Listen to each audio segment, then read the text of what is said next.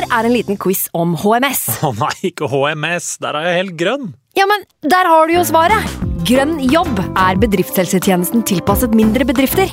Våre HMS-eksperter hjelper mer enn 8000 bedrifter over hele Norge med alt fra lovpålagte HMS-krav til pålegg fra Arbeidstilsynet. Få på plass bedriftshelsetjeneste på grønnjobb.no. Hallo? Jeg kommer fra Oslo politikammer. Ine Jansen er purk. Er du purk? The motherfucking bitch. Alt jeg vil, er å finne ut hva som skjedde med mannen min. Jon Carew. Er jeg sikta for noe? Iben Akeli. Det er du. Ole So, Lars Berrum og Big Daddy Karsten. Hvem sin side er du på, egentlig? Anette Hoff, Tone Danielsen, Kommer du fra Afrika?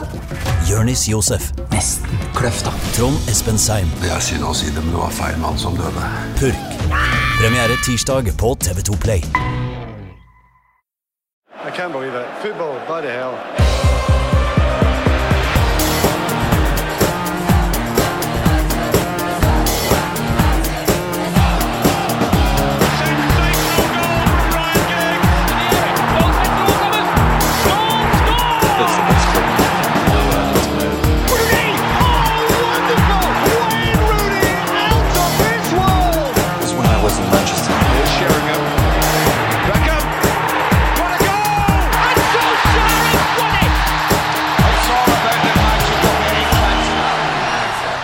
Da var det sju på rad, gitt, under Ole Gunnar Solskjær. Velkommen skal du være til en ny episode av United We Podcast. Mitt navn er Ken Vasenius Nilsen. Jeg har med Eivind Holt. Velkommen. Takk for det. Og Andreas Hedemann. Velkommen. Halapeño! Lenge siden du har vært her. Ja, det er så deilig å være tilbake igjen. Ja, det er veldig godt å se deg. Um, Endelig på plass. Mm. Eh, det er jo første podden din siden eh, Manchester United fikk en eh, norsk manager. Ja. Blir aldri lei av å litt si sånn det. halvveis ut av det blå. Ja, ja, blir aldri lei av å si det. Nei, det er, det er jo en drøm. Ja. Da Solskjær Da Solskjær kom til United, så var jeg åtte år gammel. Ja. Um, og det var jo selvfølgelig hovedgrunnen til at jeg ble fan av Manchester United. Uh, og nå er altså hovedgrunnen til at jeg ble Manchester United-fan, han er manager Ja. i Manchester United. Ja. Liten, krøllete, blond gutt. Og det var sånn. ikke sånn at vi ikke trengte noe forandring heller, kanskje? Eh, nei, Vi trengte utvilsomt en forandring, og den forandringen har jo vært eh, 100 av 100. Den. Det, Mm. går, ikke an å klage på den. Sju av sju mulige seier og uh, kutta ned differansen fra 11 poeng til 3 poeng til topp 4 på 30 dager. Ja, det er jo kanskje det, det sjukeste. det, altså, det er jo et mirakel i seg sjøl. Vi, Ja. vi satt jo her Det må jeg også bare si. da Jeg tror det er første gang på ja, Hvor mange år er det? Siden eh, jeg kommer inn i en United Podcast-episode og er skikkelig gira og glad og liksom Ja. entusiastisk. Ja. Eh, men jo, nei, vi satt jo før Solskjær ble ansatt, så satt vi liksom og avskrev topp fire. Og var sånn Ja, nå er jo det kjørt. Så hva gjør vi da? Men det er det jo ikke. Det er ikke kjørt likevel! det er jo helt fantastisk. Nei, sesongen er jo på en måte altså Jeg vil ikke si at den er tilbake på skinner igjen, Eivind, men eh, vi har noe å spille for, da. Definitivt. Eh, jeg husker eh, Mourinho den ene uka så snakka han om at det handla om å komme seg inn i topp fire. Eh, og den neste uka så snakka han om topp seks. Ja. Og da skjønte du jo hvor det bar. Ja. At her er det Han har jo sagt det før, at den andreplassen med United var hans eh, største prestasjon, og det er liksom blitt hans slagord, nesten. ikke sant? Hans unnskyldning for at det laget her er ikke godt nok. Og nå har han jo snakka da, i koder på Bean Sports. Eh, først kom jo rapporten om at han ikke hadde lov til å si noe om United, fordi han da ville miste deler av fallskjermen sin. Eh, og måten han løser det på, er jo å snakke eh, sånn at vi må tolke og lese mellom linjene. Og da snakker han jo kanskje mest om klubbstruktur og hvordan det mangla da i, i United tilsynelatende. Så ehm, Men det har jo vi eh, på en måte vært kritiske til også. Ja. Eh, klubbstruktur. Men når det gjelder eh, kvaliteten på troppen, så er jo det beviselig bare piss. Ja, jeg så Gary Neville var ute nå og var også litt sånn Han var ikke helt sikker på om denne troppen egentlig var så bra, han heller. Selv nå når det har gått ganske bra. Ja, det var også Paul Scholes innom. Han, Mm. han hinta litt om det i TV 2-studiet. At han var litt usikker på at du, du, får, du kommer bare så langt med eh, det materialet han har, da, og, og fokuserte veldig på stopperplassen. Eh, Mm. Men jeg syns jo Victor Lindeløf ser jo et par centimeter høyere ut. Phil Jones, ja, han er fortsatt Phil Jones, men han eh, på en måte har luka bort de derre eh, hodeløse øyeblikka. Eh, og så har du liksom alle har stabilisert seg på et veldig bra nivå, og så har du de som åpenbart har tatt kjempesteg, da med Pogba og Rashford spesielt, som eh, stjeler overskriftene. Og det er liksom ikke bare eh, Altså det er ingen av oss eh, her eller United-fan med to øyne i hodet som mener at denne troppen, hvis du ser på Liverpool, hvis du ser på Manchester City, eh, har mulighet til å vinne Premier League eller mulighet til å vinne Champions League. Da skal det liksom et enda mer mirakel enn å gjøre 11 poeng til 3 på 32 dager til. Um, vi har åpenbare huller. Vi har huller i midtforsvaret, vi har huller på høyre ving, f.eks. Mm. Eh, så det, det er ikke noe rart. Men at Mourinho ikke fikk ut potensialet i stallen, Ja. det må vi da være enige om. Ja, jeg, altså Hvis det laget hadde spilt som de gjør akkurat nå, da eh, under flere kamper denne sesongen, så hadde de jo ligget på tredjeplass. Ja. Det er jeg nesten 100% sikker på. Hadde det. Det laget er bedre enn Tottenham. Som vi spådde før sesongen. Ja, Som vi spådde før sesongen. Vi hadde rett hele tiden! dere! Det Vi måtte bare få Solskjær inn. Ja, det var bare noe greier. Um, I denne podden skal vi jo uh, snakke om United Brighton, og vi skal også innom dette med struktur, for det har jo dukka opp noen navn til den såkalte sportsdirektørstillingen. I hvert fall ett, som vi skal snakke litt grann om. Men skal vi begynne på eh, det fotballmessige, eller? Ja. Uh, United Brighton 2-1. Uh, noen umiddelbare tanker om kampen? Jeg tror mange gikk inn mot den kampen og så for seg at nå nå får vi en sånn målfest igjen. Eh, det hadde vært en oppskriftsmessig, men sterk 2-0-seier mot uh, Newcastle. Og så en veldig dårlig eh, FA Cup-rundekamp mot Brighton med et litt sånn rotert eh, lag der.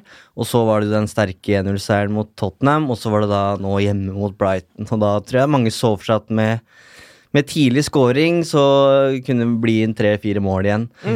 Men jeg tror etter 90 minutter så tror jeg de fleste bare pusta litt sånn letta ut og tenkte at oh, ja, sju på rad. Eh, på rett spor fortsatt. Og Solskjær-effekten, den, den lever videre. Men det var jo ikke på en måte helt det vi har sett før. Eh, mot de svakere laga, i, spesielt på hjemmebane. Eh, og det som slår meg litt, som er litt bekymringsverdig, eh, syns jeg, er at de virker slitne. Jeg syns Ja. beina deres virker gående, og det er greit at, det er det, at de er det på White Hart Lane, på en tung bane mot et uh, fysisk sterkt lag, men så ha, hadde de jo da en uke uh, til neste matchen igjen. Uh, og hvis de ikke klarer å hente seg inn på én uke, på sju dager, når skal de da få muligheten til, Ja. til det i løpet av våren? For nå går det slag i slag. Nå er det, nå er det Arsenal uh, fredag kveld, og så er det Burnley igjen på i midtuka. Ja, tirsdag, tror jeg det er. Ja, jeg tror det er på tirsdag. Så det syns jeg er litt bekymringsverdig. Det kan godt hende energien er tilbake igjen uh, mot Arsenal på Emirates, men, men uh, den energien tror jeg de trenger. Uh, og så er spørsmålet om den energien på en måte var et resultat av det managerskiftet. at det var den effekten. Ja. Og, og, og det er naturlig at det flater ut, altså, men, men eh, de er nødt til å ha beina med seg i 90 minutter. Jeg tror vi har nok eh, empiri, eller beviser, om du vil, for at eh, den fysiske formen til Manchester United er ikke bedre eh, nå, etter at Ole Gunnar Solskjær kom inn. Fordi vi har slitt fra 60 til 70 ish minutter under alle kampene til Solskjær. Og ikke bare mot Tottenham eller mot Brighton, men det er krevende å spille Solskjær-ball i 90 minutter. Det er klart det er krevende. Um, I hvert fall da, hvis du sammenligner med den seige, saktegående forsvarsfotballen som vi har spilt under Mourinho nå, som ikke krever like mye kondisjon. Eh, så den omstillingen har nok vært tøff da, for eh, hele spillergruppa. Og jeg tror at hvis Ole Gunnar Solskjær ender med å få denne jobben, så ser vi nok et lag som veier litt mindre og løper litt mer eh, neste sesong i hele 90 minutter. Men er det Altså, jeg jeg syns jeg ser en litt sånn sakte, sakte, sakte nedadgående kurve i både intensiteten og kvaliteten i Manchester United under Solskjær sine kamper. da. Det begynte liksom helt eh, voldsomt som et fyrverkeri, og så har det blitt sånn sakte, men sikkert gått litt grann ned for hver kamp, syns jeg nesten. Ja, og det er jo ikke helt unaturlig heller, for den innledende entusiasmen den begynner jo å legge seg. selvfølgelig. Man får inn en ny manager, man får nytt blod, det er en legende, han klarer ikke å si noe feil. Eh, alle de unge spillerne får sjansen, de blomstrer, de har lyst til å vise seg fram. Skåre med en gang. Og, Ja, og så blir man liksom litt sånn, så legger man seg litt bakpå når det legger seg. Men jeg syns også jeg ser klare tegn da, på at denne spillergruppa her nå ofrer det lille ekstra i mye større grad enn det de gjorde under Mourinho. Når det er 20 minutter igjen, Mata skriver også om det på den siste bloggen dialogen sin. Vi vil eh, veldig, og vi Mm. vil eh, at det målet ikke skal komme imot. Mm. Eh, Lindeløf jubler for eh, frispark som går utenfor. Ikke sant? Og, Ja. Ja, ja, ja, og den taklinga til Lindeløf på slutten på, mot Spurs. Ja. Mentaliteten er annerledes, da. Um, men hvis ikke det backes opp av form, eh, fysisk form, så kan jo det ende med skader igjen, ikke sant? For Ja. man tror mer enn man orker. Mm. Eh, og så får man en sånn Jones fire til seks uker ute-skade eh, som kan komme, og da er vi fucked ass nå, hvis Jones også blir skada Ja, på nytt. det er det er ikke for å helle kaldt vann eh, i nakken på de som drømmer om Solskjær-ansettelse i, i sommer, men det er så langt igjen. Eh, og allerede liksom etter den andre kampen til Solskjær så dukka jo spørsmåla opp, eller det var jo allerede snakk om det før han hadde leda laget i en eneste match, og om han kunne få jobben. Eh, Men det er så det er så mange faser igjen av den perioden her.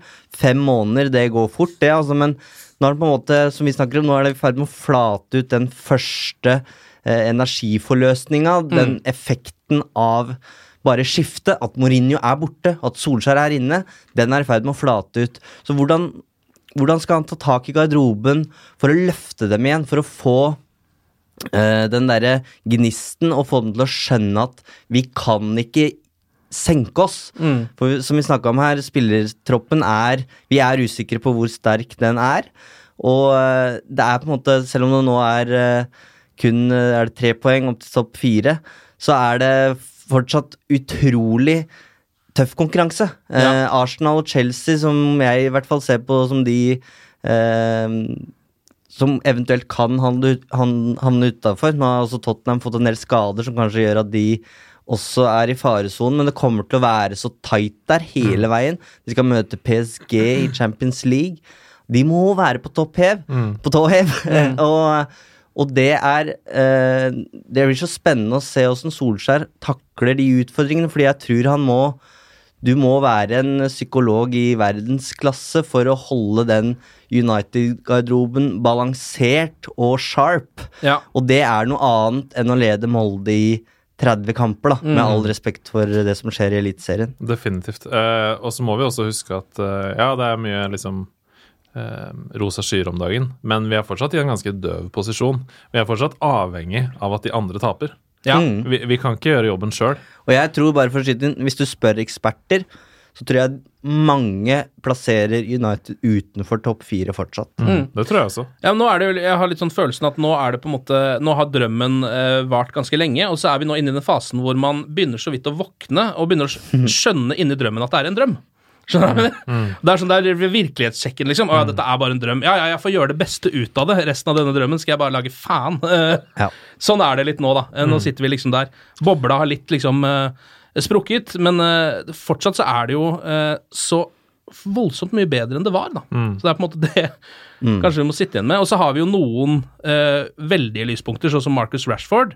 Han er bedre enn han har vært noen gang. Han har aldri Eh, vært bedre, nei. Han nei. er i den beste perioden i karrieren sin. Eh, og endelig så ser vi da på en måte eh, det potensialet som vi har sett antydninger til så utrolig lenge nå. Er det 150 matcher han har? Ja. Det er jo helt utrolig. Mm. Fyren er 21 år, han har 150 kamper for Manchester United. Men ok, det potensialet vi har sett han til, det slår nå ut da, i full blomst. Ja. Um, og da kan han eh, gå så langt han vil, på en måte. Ja. Han var helt sjuk i en periode i den siste matchen Ja. eh, mot uh, Brighton. Ja. Det var liksom Jeg syns hele kampen synes jeg han var helt udødelig. ja, altså I Eh, første omgang så eh, rota han litt innimellom. Men i en 10-15 minutters periode i andre omgang så greide han ikke å gjøre noe galt.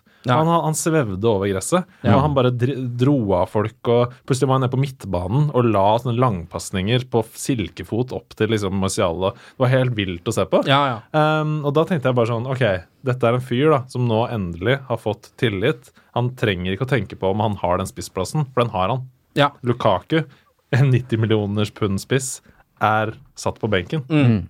Du har ro til å spille i den posisjonen. Um, Nå har han jo faktisk også eh, Ja, nå har han jo faktisk også en sånn bedre sånn statistikkmessig, da, så er han jo eh, foran Cristiano Ronaldo eh, ved den samme alderen.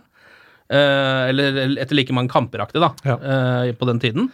Det er jo ganske vilt. Eh, og så begynner han jo også å på en måte legge til seg noen sånne hva skal man kalle det, verdensklassetakter. Eh, altså Sånn som det ene målet hans mot Brighton der, det er eh, Før så har han jo fått litt kritikk for å bomme på ganske enkle sjanser og sånn. Nå scorer han på helt umulige sjanser. Og assisten til Pogba da han dro av eh, to-tre mann på Ja. eh, Mm. kanten her. Ja. Jeg synes at Det er sånne eh, Jeg lever etter en sånn leveregel om at eh, hvis du skal score i fotball, så må enten motstanderlaget gjøre en feil, Ja. eller så må eh, det laget som scorer, gjør noe bra.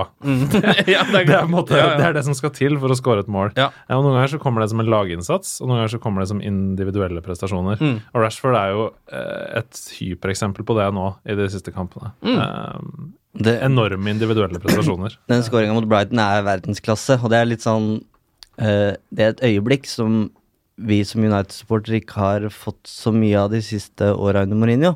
Fordi det er en situasjon hvor Rashford er en det man må kalle en farlig angrepssituasjon. Men så liksom når du sitter og ser på det, så, så regner du ikke med at det er det som skal skje. Men i løpet av ett sekund så skaffer han seg det lille rommet han uh, trenger. Og så er han så presis, og skuddet er så hardt, at han på en måte finner den ene åpninga i, i, i målet. Og den, den typen som Andreas er inne på, at du må gjøre noe som angripende lag, da, så må du gjøre noe som det forsvarende laget ikke forventer. Du må gjøre noe, det må være en X-faktor. Mm. Og den har vi jo på en måte mangla under Mourinho, da. Ja. Eh, og, den, og den var der. Eh, den Ronaldo-statistikken der har jo Rashford ligget foran eh, ganske lenge, egentlig. Mm. Eh, jeg, har, jeg har ikke kikka på det, men jeg tror at Rashford lå eh, foran fordi han scora såpass mange mål tidlig. Så sånn at Som 21-åring så er jeg ikke sikker på om Nei. Rashford egentlig er foran Ronaldo i utviklinga. Jeg, jeg tror egentlig ikke det. Men for bare noen måneder siden så føltes det ut som han var veldig langt bak. Mm. Man tenkte ikke Rashford-Ronaldo i det hele tatt. Nei. Eh, den sammenligningen, sammenligningen er til de grader aktuell igjen. Og ikke Eh. minst andre spillere som nå spiller eh, i samme alder. Mbappé, for eksempel. Eh, ikke sant? Ja.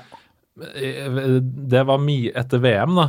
Så følte jeg sånn Ok, han er tre ligaer over Rashford. Ja. Det er han ikke lenger. Nei. Um, Og så er det også noe med Og det er jo veldig er gledelig å å se oss Ja, liksom unge spillere, for det er et eller annet med at Uh, du ser at Marcus Rashford tar, liksom, lærer seg nye ting. Man ser det i kampene. Nå har han for eksempel begynt å skåre på frispark, plutselig. Eh, og på skudd fra liksom 20 og sånne ting. Og de målgivende som vi var, var inne på her. Ja, Det er ting som han ikke gjorde før. Uh, da var han liksom fart. Det var mye fart på han, kanskje litt dribleferdigheter. Nå er- begynner han å bli mer og mer total pakke, da. han utvikler seg veldig som spiller. Ja. Uh, ja, og det Jeg vet ikke hvor mye man skal liksom si at det er liksom McFeelan og Solskjær og Carrick og liksom gjengen nå. Eh, men de har jo hatt en påvirkning. Uh, Ja. Og jeg syns man ser i hvor klinisk avslutteregenskapene til Rashford har blitt. Altså Det er veldig lett å si som nordmann Mm. å si sånn ja, det er Solskjær. det, det er det nok sannsynligvis ikke, men at han har plukka opp noe, eh, det er det ikke tvil om. Han skyter mye tidligere, blant annet, enn Mm. før, og det er jo klassisk Solskjær. Shoot! Ja. Fucking shoot! Ja. Sier Mer instinktbasert, Ja, virker det som. Det er ikke så mye nøling lenger. Nei. Og så sier han jo sjøl at han har uh, gått inn i hodene på spillerne, istedenfor å nødvendigvis eh, perfeksjonere tilslag og sånne ting. Det er på plass, tror jeg Solskjær mener, men det Mm. handler om det mentale. Og der har han treff i ti av ti på, på Rashford. Det er en spiss som, som strutter av selvtillit, og han scorer på, på det meste, ikke sant. Eh, og i det ene avslutningsøyeblikket så minner han om Solskjær, i det andre så er det Shearer. Altså, Ja. Det er så, det er så Plutselig så har han et spekter som er så mye bredere enn det vi har sett eh, tidligere. Eh, og tallet også viser at han er jo en, en bedre Altså, han er mye mer en eh, spiss, en nier, under Solskjær enn det Ja. han var under Mourinho. Der var han egentlig nesten en, mer en tilrettelegger. Ja. Mm, En slags eh, innoverkant som Mm. skulle på en måte skape noe for, eh, for Lukaku. Så det er um, Nei, det er bare kjempegøy å følge den oppturen. Ja, og så har vi jo da på en måte også fått eh, det privilegiet å kunne ha en eh, spiller som også kan være i verdensklasse, hvis han først er i form, altså Lukaku, eh, som en benkers. Det er jo Ja, men det er ikke mange lag som kan ha liksom en sånn Når du setter inn han, så forandrer jo For, for det første så forandrer jo hele angrepsmønsteret seg litt, fordi du får inn en stor, tung kis istedenfor en lett teknisk en. Um, og så har han jo også Nå har han jo begynt å putte òg. De gangene han får prøve seg, da. Ja, I England så snakker de mye om Romelu Lukaku som supersub. Det virker som de prøver å døpe han litt sånn søkt fordi det er Solskjær som er Ja, så det må være én supersub, liksom. Ja. Men jeg, jeg kjøper ikke den. Jeg ser ikke på Lukaku som en supersub. Jeg tror ikke han er fornøyd Nei. med å være en supersub. Nei, Jeg tror heller ikke Eh, han sitter og analyserer kampene sånn som Solskjær gjorde, for, eksempel, for så å komme inn og utnytte motstanderens svakhet. Det lukter ikke Lukaku i det hele tatt for meg, Altså. Nei. Altså, jeg tror hvis, hvis dette her eh, fortsetter inn i evigheten, så og, og Lukaku ikke er tiltenkt en spissplass der, så, så tror jeg ikke han er i United veldig lenge. Men Solskjær har jo snakka om at eh, Rashford og Lukaku kan spille sammen. Mm. Eh, men personlig så vil jeg nå se Rashford i en spissrolle. Jeg Ja. vil ikke se han ute på kant igjen, selv om det fungerte veldig godt mot Tottenham da, Mm. eh, i en litt sånn spesiell match der. Solskjær har jo en lita 4-4-2 oppi ermet òg, da. Eh, Mm. Som han har spilt før, så det kan hende han drar ut det med to spisser foran. Men jeg er ikke så veldig glad i 4-4-2. Men ja, jeg må bare si det før vi liksom forlater Brighton helt, eh, at eh, vi snakka litt om det jeg og gode Brynestad, som dere kjenner godt i denne podkasten, at Brighton, før kampen altså, Brighton er ikke noe dårlig lag. Vi må huske at Murray, for eksempel, eh, toppskåreren deres, eh, han har like mange mål som Martial Ja. eh, og Firmino Mm. i år.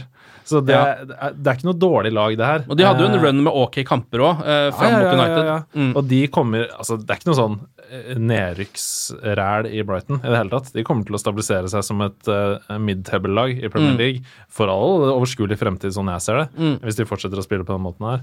Et utrolig solid forsvar med Dunk og Duffy og Bong og hele gjengen. ja. uh, så nei, det, det så jeg ikke på som noe walkover-kamp i det hele tatt. Um, Nei. Derfor så var jeg egentlig bare veldig happy med tre poeng, og at Mm. vi sto imot på slutten. Ja, Det så jo litt ut som det skulle bli en ny drømmekamp. Da, da Først så er det Pogba som skårer på et straffespark, og så kommer det nydelige måler til Rashford, og så går, de, går vi til 2-0 med 2-0 til pause. Eh, jeg kjente at jeg strutta selvtillit og hoppa rundt i stua. Um, og så eh, kommer andreomgangen, og så er det daffere fra start av, og så slipper de inn det målet på et veldig sånn dårlig timingmessig tidspunkt. Ja. Eh, for da er det skummelt, rett og slett. Det kan nesten like godt bli 2-2 i den kampen, på en måte. Eh, men og det hadde nok blitt før, Ja, det kan eh, men det blir ikke lenger. Nei. Og det, det må vi ta med oss. Ja. Eh, mange av de kampene her som hadde blitt eh, uavgjort under Mourinhos. Ja. Skal vi dele ut noen poeng eller til de beste spillerne for Manchester United mot eh, Brighton? Eh, Eivind, har du lyst til å sparke i gang? Ja, jeg syns uh, Lindløf fortjener tre poeng. Jeg syns han uh, Jeg syns ikke det var en enorm kamp av noen av de offensive, egentlig. Ikke Rashford heller? Ikke enorm. Nei. Uh, jeg syns han sitter inne med enda mer. Eh, men Lindløf, eh, som jeg sa i stad, høyere, mørkere, bedre. Eh, og så er det mange som snakker om at han har eh, måte, tatt store steg, men han er jo en av de som faktisk var gode under Mourinho også. Etter hvert, ja. Ikke at vi skal vektlegge det i poenggivninga nå, men, men eh, han har ikke blitt så mye bedre som folk skal ha til. Han har vært, jeg mener han er eh, Uniteds beste denne sesongen. Ja, Ja. jeg også syns det. Jeg også syns det. Uh, så jeg vil litt tre poeng til han, og så vil jeg gi to til Rashford, da. Spesielt sånn på grunn av den skåringa, som er en eh, kjempeprestasjon. Ett poeng. Jeg tror jeg sender den over til Andreas foreløpig. Tenk Ja. litt mer på den. Ja, nei, Det er så gøy at du sier jeg har tre poeng på Lindelöf, Ja. eh, og så har jeg to poeng på Rashford på skjermen min her. Og så har jeg ett poeng på Matic. Ja. Eh, og det er fordi jeg syns han eh, har Altså For det første har jo han plutselig blitt Han var jo kanskje Uniteds dårligste Ja. under Mourinho Ja. hele sesongen. Jeg kan ikke fatte hva han holdt på med Nei. under Mourinho. Nei, det er Nå ble han jo pressa inn i en litt dypere rolle og sånn, da. Men, men under Solskjær så har han jo vært uh, sitt gamle jeg. Mm. Eh, sikker. eh, en kremfyr på midtbanen som bare strør om seg med pasninger. Og da resten av laget datt litt sammen etter pause mot Brighton, så heva han seg tilstrekkelig mye og ble på en måte maestroen der. Han har 91 eh, eh, fullførte pasninger i andre omgang. Ja. Eh, og var eh, helt fantastisk på midtbanen i andre omgang, så han er på ett poeng. Ja, jeg er litt bekymra bare for at han begynner å bli, som Brede Hangeland kaller det, leggy.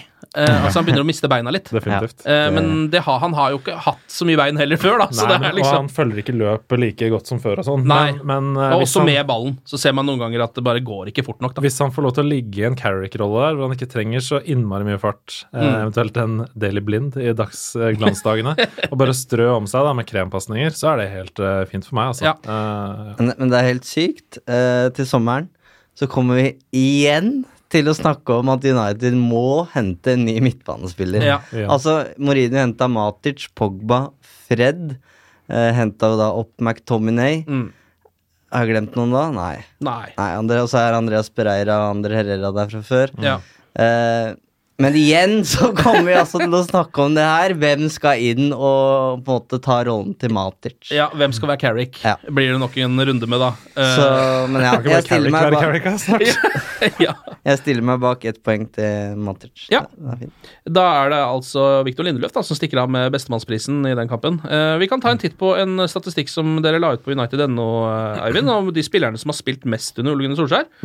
Um, og kanskje, altså, Vi har jo sett kampene som kan ikke si det er overraskende, men jeg har ikke sittet og telt heller. Det er jo da Phil Jones som er numero uno eh, med sine 548 minutter.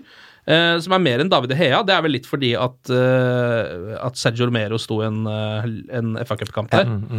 Han sto veldig bra. Ikke Ja, han ble vel, jeg fikk vel tre poeng her. Ja.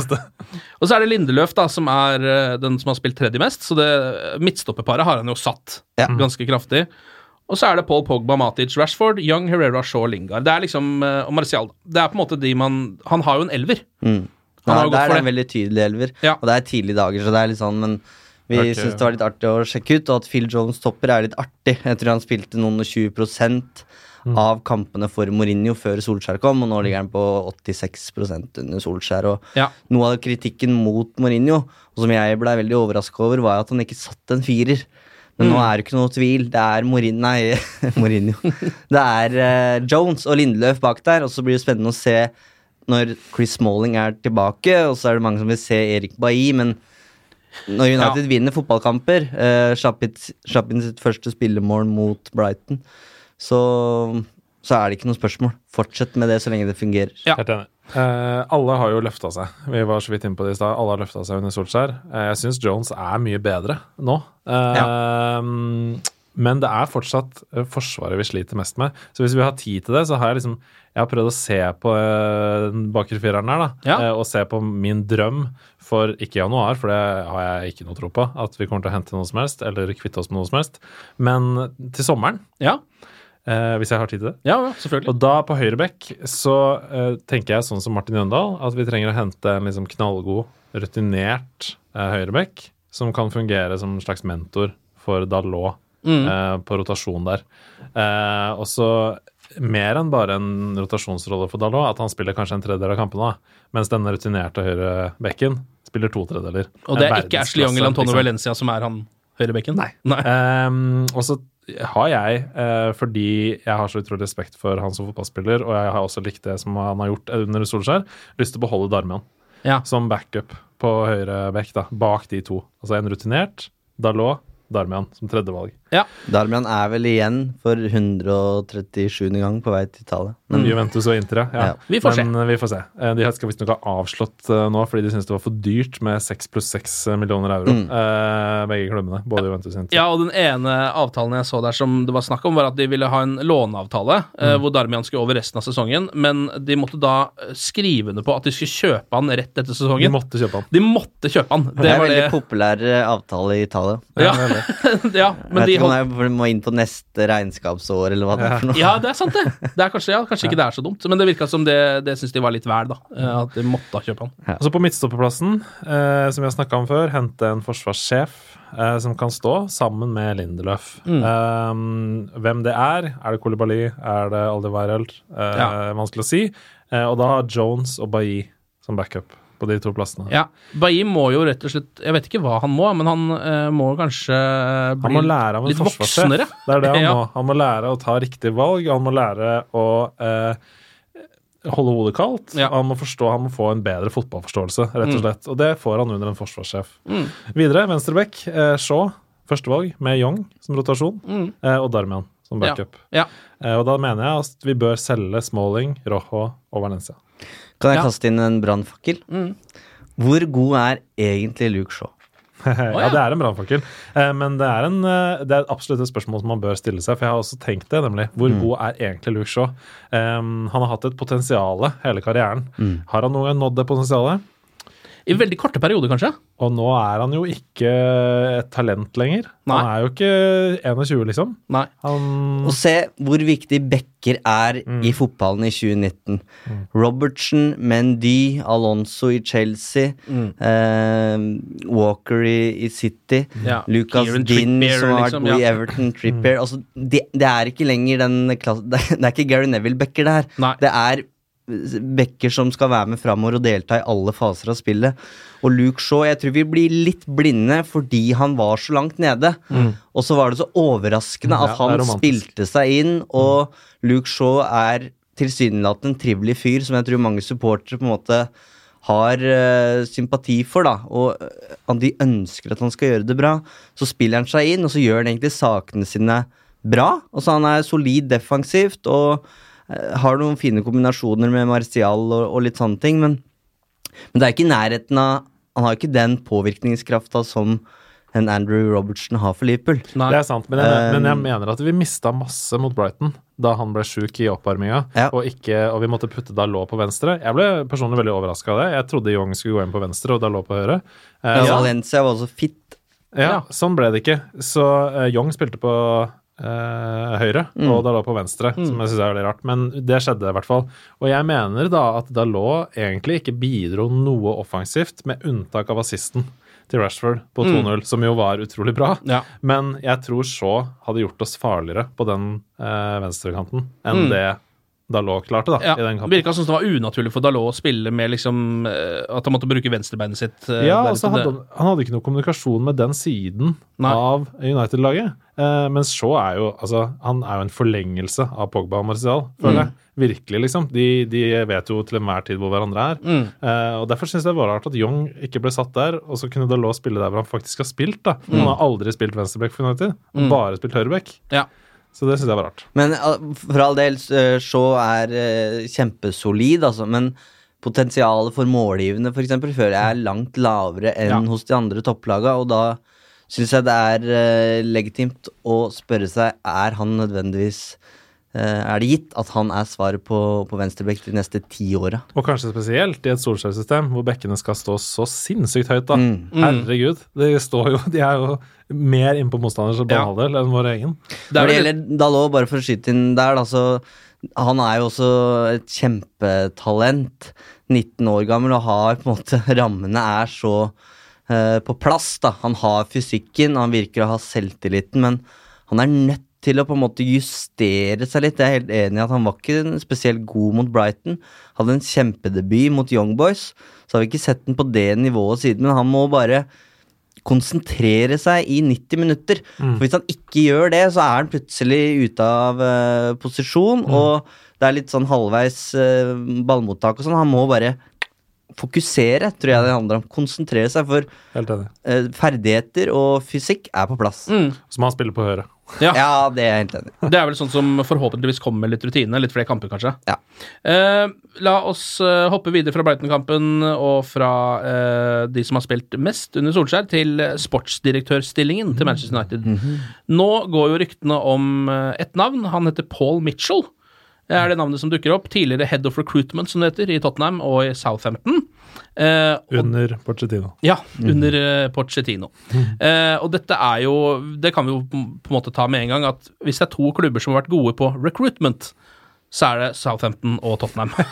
Liverpool er jo Southampton. ja, Eh, og, Og Tottenham er på en måte også har litt bare- Southampton. Og, De har bare greid å beholde alle spillerne sine. Men ja, men ja eh, Paul Mitchell han sitter jo i Leipzig nå Mm. eh, og gjør en god jobb der, men det, dette er jo eh, Jeg er usikker på hvor eh, mye troverdighet det er i disse ryktene, og hvor mye eh, romantisering det er i disse ryktene. Fordi dette var jo måten City lurte i gåseøynene eh, Pep Guardiola til Etiad på. Mm. De ansatte han Tiki Begeristein, Mm. som var hans gamle sportsdirektør i Barcelona. Ja. Så hvis United det er vel det som er teorien her, da. At hvis United ansetter Paul Mitchell, så vil det være lettere for Pochettino å bli manager i United. Ja, for da var det blir den som du var inne på med City, at vi har laget en pakke til deg. Det er skreddersydd, bare kom, så går det greit. Og det syns jeg er en god måte å tenke på. da. City brukte jo årevis på å bygge et helt apparat rundt Pep Guardiola, sånn at han kom til dekka bord. Og det var ikke bare, altså, det var ikke bare sportsdirektør, det. Det var helt ned på fysio, helt ned på eh, måten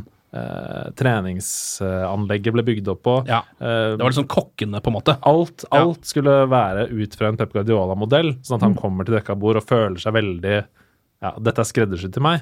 Så hvis man tenker på den måten og virkelig ønsker seg Pochettino, så er det riktig måte å tenke på. Men hvor er det egentlig disse ryktene kommer fra? Hvem er kilden her? Eh, ja, si det. Det er vel BBC har skrevet om det. Jeg vet ikke hvor de har henta det. Nei. Jeg syns det er kjempevanskelig å mene noe om hva United bør gjøre her. Fordi det er en situasjon som klubben åpenbart Ja. aldri har vært i. Og man hører ganske lite om ansettelser av sportsdirektører. Det skjer gjerne bare. Det er, så, ja, det er sant, det. for det er kanskje ikke sexy nok, da. eh, at Tottenham ansetter en ny sportsdirektør, Mm. f.eks. Men eh, det er jo en, holdt på å si, en signering som virker eh, fornuftig. Han er født i Manchester også. Eh, uten at jeg vet om han er United-fan av den grunn. Har vel spilt for Tottenham osv. Men Ja, det Uh, det. eh, viktigste er at den uh, sportsdirektøren kommer på plass. Eh, før vi ansetter en ny manager. Om det Ja. så er Solskjær, Zidane eller Pochettino. Eh, så må den sportsdirektøren på plass, for det er jo hele poenget. Eh, og litt sånn stygt sagt med tanke på de åra vi har vært igjennom nå, så er det jo ville det jo ikke vært en kjempeoverraskelse om de eh, gjør det her bakvendt. Nei. um, Dessverre. men men uh, veldig spennende navn. Eh, men som sagt, veldig vanskelig å måle Ja. om han er den riktige. Jeg er veldig enig i det du sier, at jeg syns det er vanskelig å mene noe om sportsdirektør. Det som ikke er så vanskelig for meg å mene noe om, det er Pochettino. Mm. og han ønsker jeg meg fortsatt som manager i Manchester United. Ja. Eh, nesten, og det har jeg sagt eh, tidligere også, uavhengig av hvordan det går denne sesongen. Om vi vinner Champions League, om vi vinner Premier League, som er et helt insane scenario, så ønsker jeg meg fortsatt Pochettino som manager i Manchester United. Um, fordi jeg har en slags naiv tro på et 10-15-årsprosjekt. Uh, Du vil tilbake til det gode gamle. jeg vil det. Jeg orker ikke å spekulere i nye managere annenhver sesong. Jeg vil ha Pochettino i 10-15 år. Ja. Uh, og jeg vil ha han sammen med Og, hvis, hvis ikke sant? og da kan du si igjen, da, hvis, hvis den drømmen min eh, om Pochettino blir enklere å oppnå fordi vi ansetter Paul Mitchell, kjør på. Ja. Og det, eneste, man, det man på en måte også vet om dette, er jo at sportsdirektørstillingen den, Det er jo et kanskje litt misvisende navn, for egentlig så er jo dette personen som skal på en måte holde litt i transfers, da.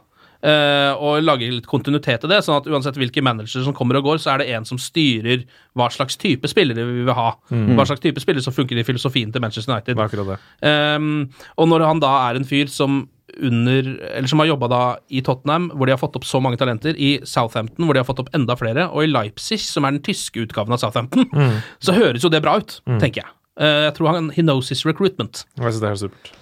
Det er vel det vi kan si om den saken. Ja, bare for å skyte inn da igjen eh, Det, det jeg er litt spent på med en sånn som Paul Mitchell, da. Det er eh, Hvis du ser på spillerne som han har henta, da, så er jo ikke det høyprofilerte stjerner. Nei. Det er jo sånne Men det er spillere som matcher nivået til klubbene han har vært i, da. Ja, absolutt. Eh, men spørsmålet mitt er om han får Hva skal jeg si, Han skal jo egentlig ha all makt, men får han muligheten til å hente en eh, 22-åring da, fra Argentina som han tenker det der, det kan være den nye Messi. Eh, vi tar sjansen på det. Er det rom for det i Manchester United i dag? ja. Vi veit at en Ed Woodward, som kommer til å bli sittende som administrerende direktør, han er opp, opptatt av draktsalg, og Ja. at han vil helst ha stjernene. Uh, og det er jo et spørsmål som måtte ha dukka opp i, i, i debatten her, da. Hvor mye makt får en sportsdirektør, og hva skal de med en sportsdirektør hvis styret og Woodward kommer til å legge føringer for hva slags eh, omdømme de spillerne som kommer inn, skal ha. Ja, det er jo på en måte Hva er vitsen med en sportsdirektør hvis han skal stange med Woodward fortsatt? Da blir det jo det samme som det har vært til nå. Og United henta jo en såkalt superspeider i Er det Javier Ribalta han heter? Fra Juventus. Eh, og der Han henta jo mange av de eh, spillerne som har gjort det bra eh, der, som på en måte ikke var kjent før de kom til Juventus. Men jeg er jo nå sportsdirektør i Zenit. Og skal ikke, det var sikkert en mulighet som dukka opp. Eh, og så var det snakk om i sommer at både Fred og Dalot var på en måte typiske Rivaltas-signeringer. da. Ja. Men også lest at han følte at han ikke fikk det handlingsrommet da, Ja. som han hadde i Juventus. Ja. Eh, nå har altså Zlatan Ibrahimovic vært ute og snakka litt om eh, Pogba og Solskjær til ISPN, og det er jo en fyr som jeg på en måte føler står litt med ett uh, bein i hver leir når det kommer til uh, Mourinho og, og Solskjær, i hvert fall. da. En, uh, eller Mourinho og Pogba, liksom. Han eh, sier jo det, snakker jo mest om Paul Pogba da, og sier at han ikke følte tilliten fra Mourinho. Um, og, ikke, og heller ikke Mourinho var trygg på han, og det er vel akkurat det vi så i de kampene vi så med de.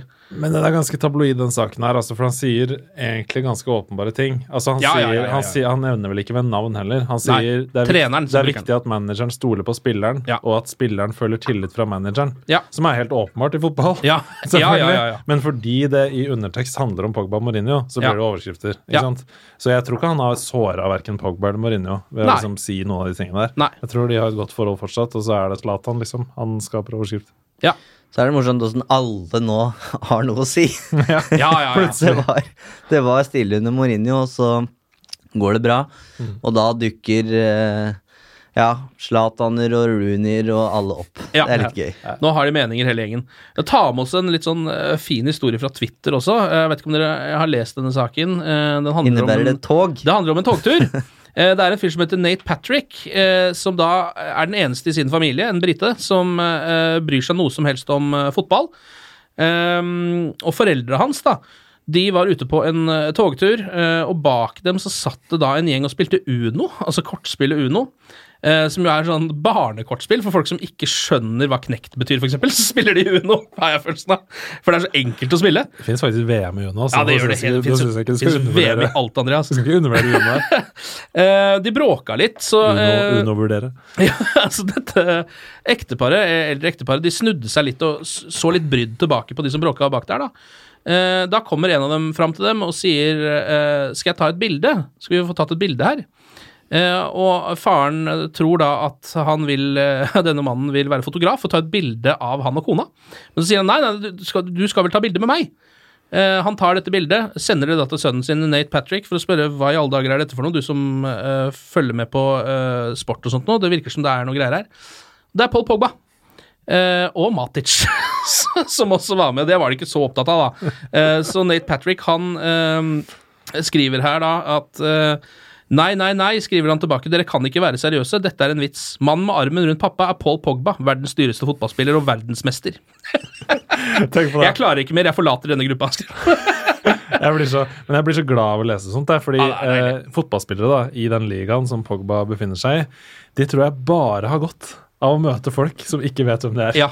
Det tror jeg de bare har godt av. Ja. Så jeg ble skikkelig, jeg, det var en sånn gladsak for meg, det. Ja, det er en nydelig liten sak. Jeg synes det også deilig. Det var Hele United var på det toget, bare så det er sagt. Ja, ja. Så det var bare Pogba og Matic som stakk seg litt ut. Bråkte mest. Jeg Eh, vet at han sa det også. Han, det er jo det mest typiske som kan skje med min far. At han sitter på et tog fullt av hele Manchester United Ja. og ikke aner hva det er som ja, ikke aner hvem de er, og jeg er selvfølgelig ikke der. Det var en lignende historie i november uh, med en eh, svenske som var på tur med mora si, som var City-supporter, eh, og tok da eh, flyet hjem fra mm, Manchester. Og satt da ved siden av Victor Lindeløf uten at hun kobla at Ja. det var han. Men hun var som sagt City-supporter, og det her var kamp altså dagen etter at United hadde blitt slått av City på Etiad. Eh, så hun satt der med City-skjorte og lyseblå negler og sånn, og bladde da opp i avisa si, som da var hoved... Eller en sånn dobbeltoppslag i, i avisa. Eh, der var bilde av eh, Aguero og Lindeløf, eh, og hun satt og leste dette da ved siden av, ved siden av svensken uten å vite at det var han. Det er deilig.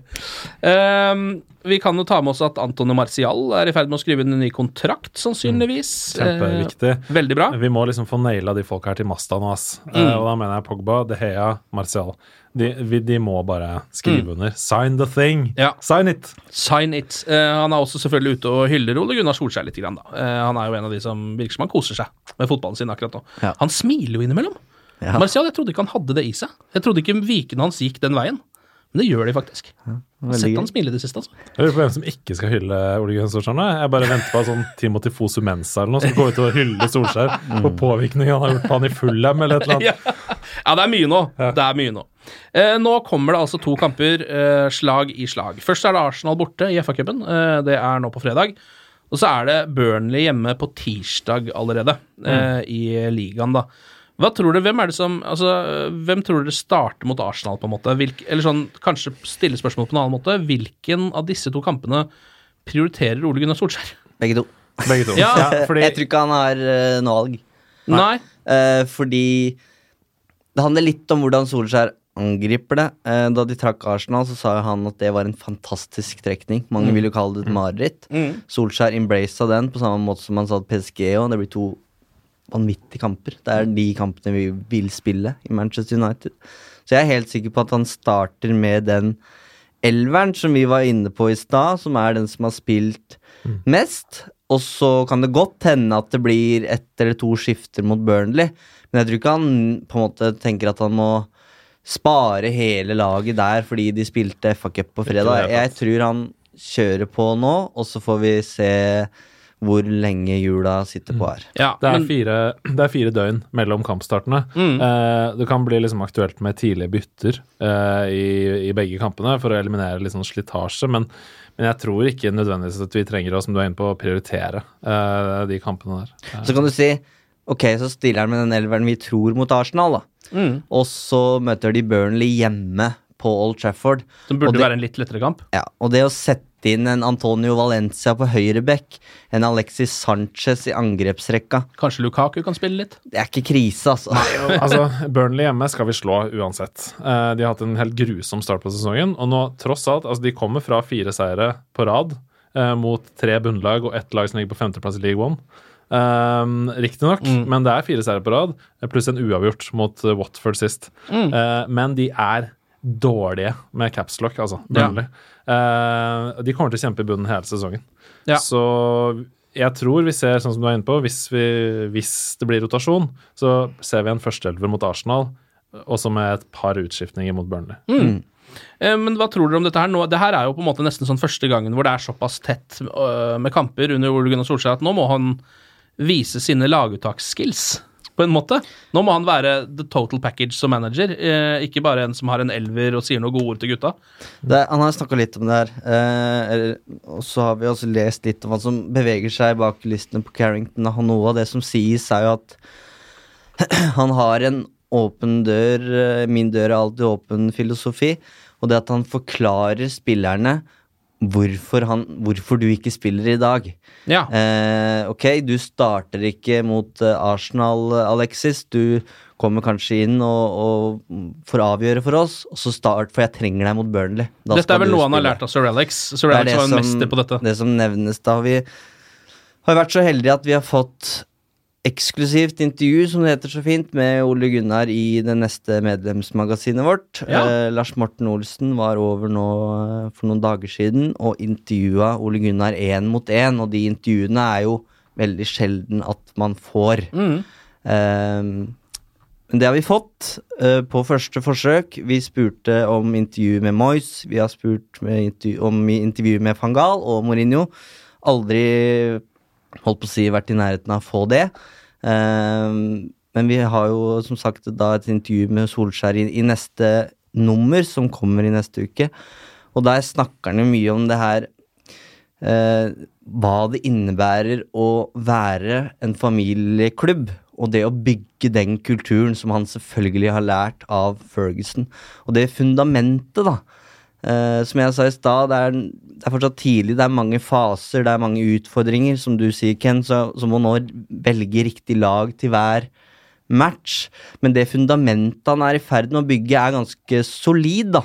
Så jeg tror den som han sa, vi skal alltid løpe mer enn motstanderen. United skal aldri bli slått på innsats. Og bare der så har du på en måte heva antageligvis bunnivået ganske betraktelig. Ehm, og jeg, jeg tror han kan bygge opp en kultur som var i ferd med å bli helt ødelagt i, i United. Da har han mye å falle tilbake på. Ehm, men han tok en taktisk seier mot Tottenham, og jeg tror han gleder seg til den Arsenal-matchen. Jeg tror ikke vi blir utspilt. Ehm, jeg tror ikke han kan velge feil lag mm. på mange måter. Nei, og så har han et helt uh, veldig solid gjeng rundt seg. McPhil, uh, McKenna, Mm. Carrick. De er en firer som jeg har full tillit til at velger uh, de rette elleve i hver av de to kampene, og rett benk også. Mm. Um, hvis vi skal kikke litt inn i spåkula da, Mm. de neste kampene, så er det jo Uh, ikke bare lett, liksom. Altså, det er tre bortekamper og én hjemmekamp. Det er Arsenal, Leicester og Fulham borte. Og så er det Burnley hjemme. Mm. Um, jeg tror vi taper mot Arsenal, Ja. for å være helt ærlig. Um, det er brutalt, men jeg tror vi taper mot Arsenal. Uh, jeg tror vi vinner greit mot Burnley. Og så tror jeg vi spiller uavgjort mot Leicester. Uh, og så er Fullham et potensielt bananskall. Du har sett langt fram i må vi, vi må passe oss for Fullham. Det er et bananskall. Uh, de- kan fort slå oss. Ja, du så jo de mot Tottenham. Ja, Ja, absolutt. Det er en gnist i de. Nå er jo Arsenal også var jo gode mot Chelsea. Det skal sies at Chelsea har rakna ganske kraftig, da. Men uh, Ja. de slo jo de uten noe som helst problemer. Jeg tror den største Det største hinderet her er selvtilfredshet. Det er en sånn klisjé, eh, men det er veldig mye Det er mye riktig i det også.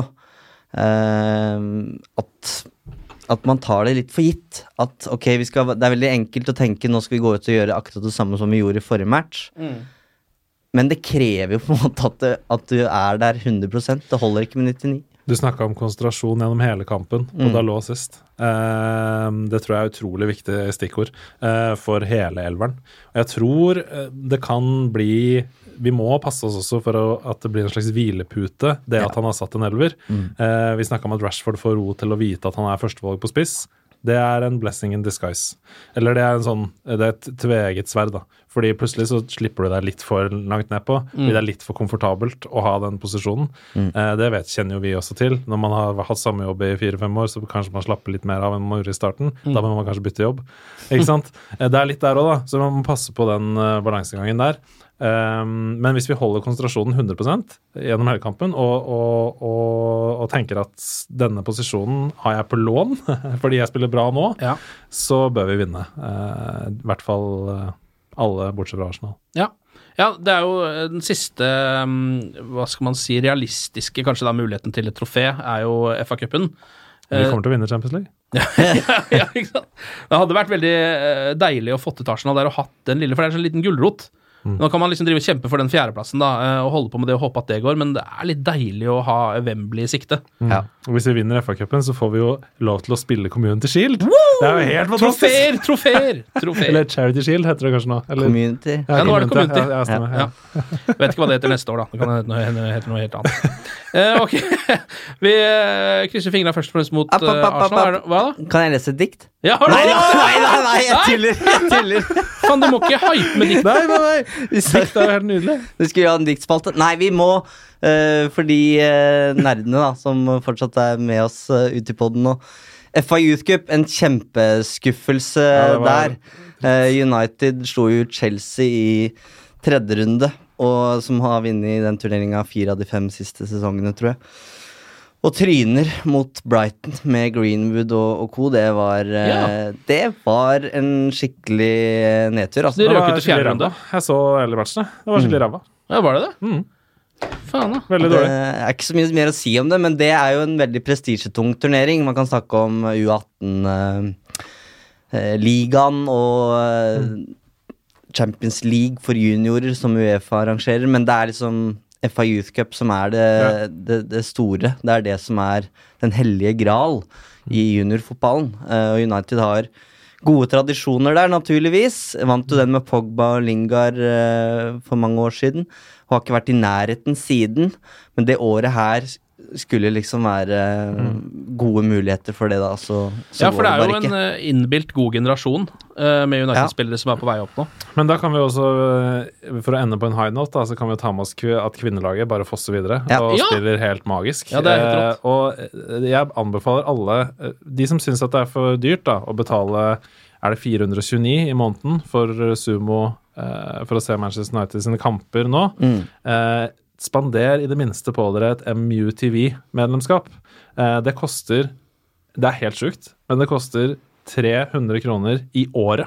Ja. For tolv måneder med MUTV. Ja. Da får du alle kampene til eh, U18 og U21. Du får alle kampene til kvinnelaget live. Eh, I appen på enten på Apple TV eller på mobilen din eller hvor som helst. Um, og du kan se masse eksklusive dokumentarer, intervjuer, build-up før kampene. Uh, så det er utrolig value for pengene, altså. Eh, og jeg merker sjøl at jeg, jeg har begynt å se kvinnekampene og, og U18-kampene og sånn på grunn av det, da. Og nesten det Um, gøyeste som skjer der, er når det noen ganger bare er sånn Ja, denne kampen er fra 1996. Så ser du bare hele den kampen. Det er helt Det er konge. kjempespennende. Så, så hvis du ikke tar deg råd til sumo, så ta deg i hvert fall råd til MUTV. Altså. Det er Ja. vel verdt eh, de pengene. Eller et medlemskap i United-supporteren. Der får du som sagt Solskjær-intervju. Og ikke minst intervju med foreldrene til Ole Gunnar. Og det er ikke noe å velge mellom. Der syns jeg man skal ha begge deler. Ja. Både United-medlemskap og MUTV. Sant. For det har jeg, og det funker veldig bra i mitt liv. Og det har du råd til. Det er Ja, ikke det noe problem hos deg. Ok, da satser vi alt på en seier mot Arsenal. Takk for i dag, gutter. Takk. Liksom. Glory, glory.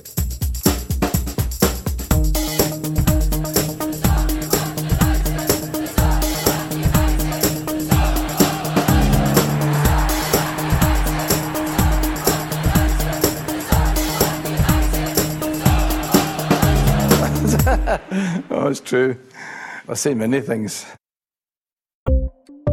Ukens annonsør det er matkasseleverandøren Hello Fresh. Der kan du velge mellom 25 ulike oppskrifter hver uke, eller få Hello Fresh til å sette sammen en meny for deg. Jeg sparer tid på å handle, oppskriftene er veldig enkle å lage, og så får jeg akkurat det jeg trenger da, til hver eneste rett, så jeg slipper å kaste så mye mat som jeg vanligvis gjør. Det er også litt deilig å faktisk slippe å gå på butikken, ikke bare fordi det er tidkrevende og sånn, men fordi man ender opp med å kjøpe så mye greier som man egentlig ikke trenger, sånn som fire poser eh, Smash og en kick med havsalt, eksempel. Det er ikke det du egentlig er der for, du er der for å kjøpe, kjøpe middag. Så det er en veldig eh, kjekk ting. I tillegg så er det jo eh, ferdigporsjonerte ingredienser, det blir mindre matsvinn, og du betaler bare for det du faktisk trenger, og det du faktisk da spiser. I tillegg så blir det da levert på døra til et eh, fastsatt tidspunkt, sånn at du kan få det akkurat når det passer for deg eh, sjæl. Hvis Hello Fresh høres ut som noe for deg, så har jeg en rabattkode du kan bruke også. Gå inn på hellofresh.no og bruk koden HelloUnited24. HelloUnited i ett ord, også 24, og få opptil 1779 kroner i rabatt på de fem første matkassene dine hvis du ikke har prøvd Hello Fresh ennå. Du kan også bruke koden hvis du tidligere har vært kunde, men har stoppa abonnementet ditt for tolv måneder siden eller mer. Det er ingen bindingstid, og du kan pause eller avslutte abonnementet ditt akkurat når du selv måtte ønske. Husk koden HelloUnited24, og bon appétit! Ukens annonsør er Folio, en smartere banktjeneste for deg som har en egen bedrift eller ønsker å starte for deg selv. Folio er en superenkel nettbank for bedrifter. Som kunde i Folio får du en bedriftskonto med et bedriftskort og app. I denne appen er det smarte løsninger som forenkler regnskapet ditt, uansett om du har en liten bedrift eller et enkeltpersonsforetak. Folio er både intuitivt og brukervennlig, og er laget med et enkelt språk. I tillegg tilbyr de forutsigbare priser og ingen skjulte gebyrer. Skulle du likevel trenge det, så kan du snakke med deres raske og hyggelige kundeservice, og der får du prate med en faktisk person og ikke en chatbot. Folio er med andre ord både enklere og koseligere enn banken.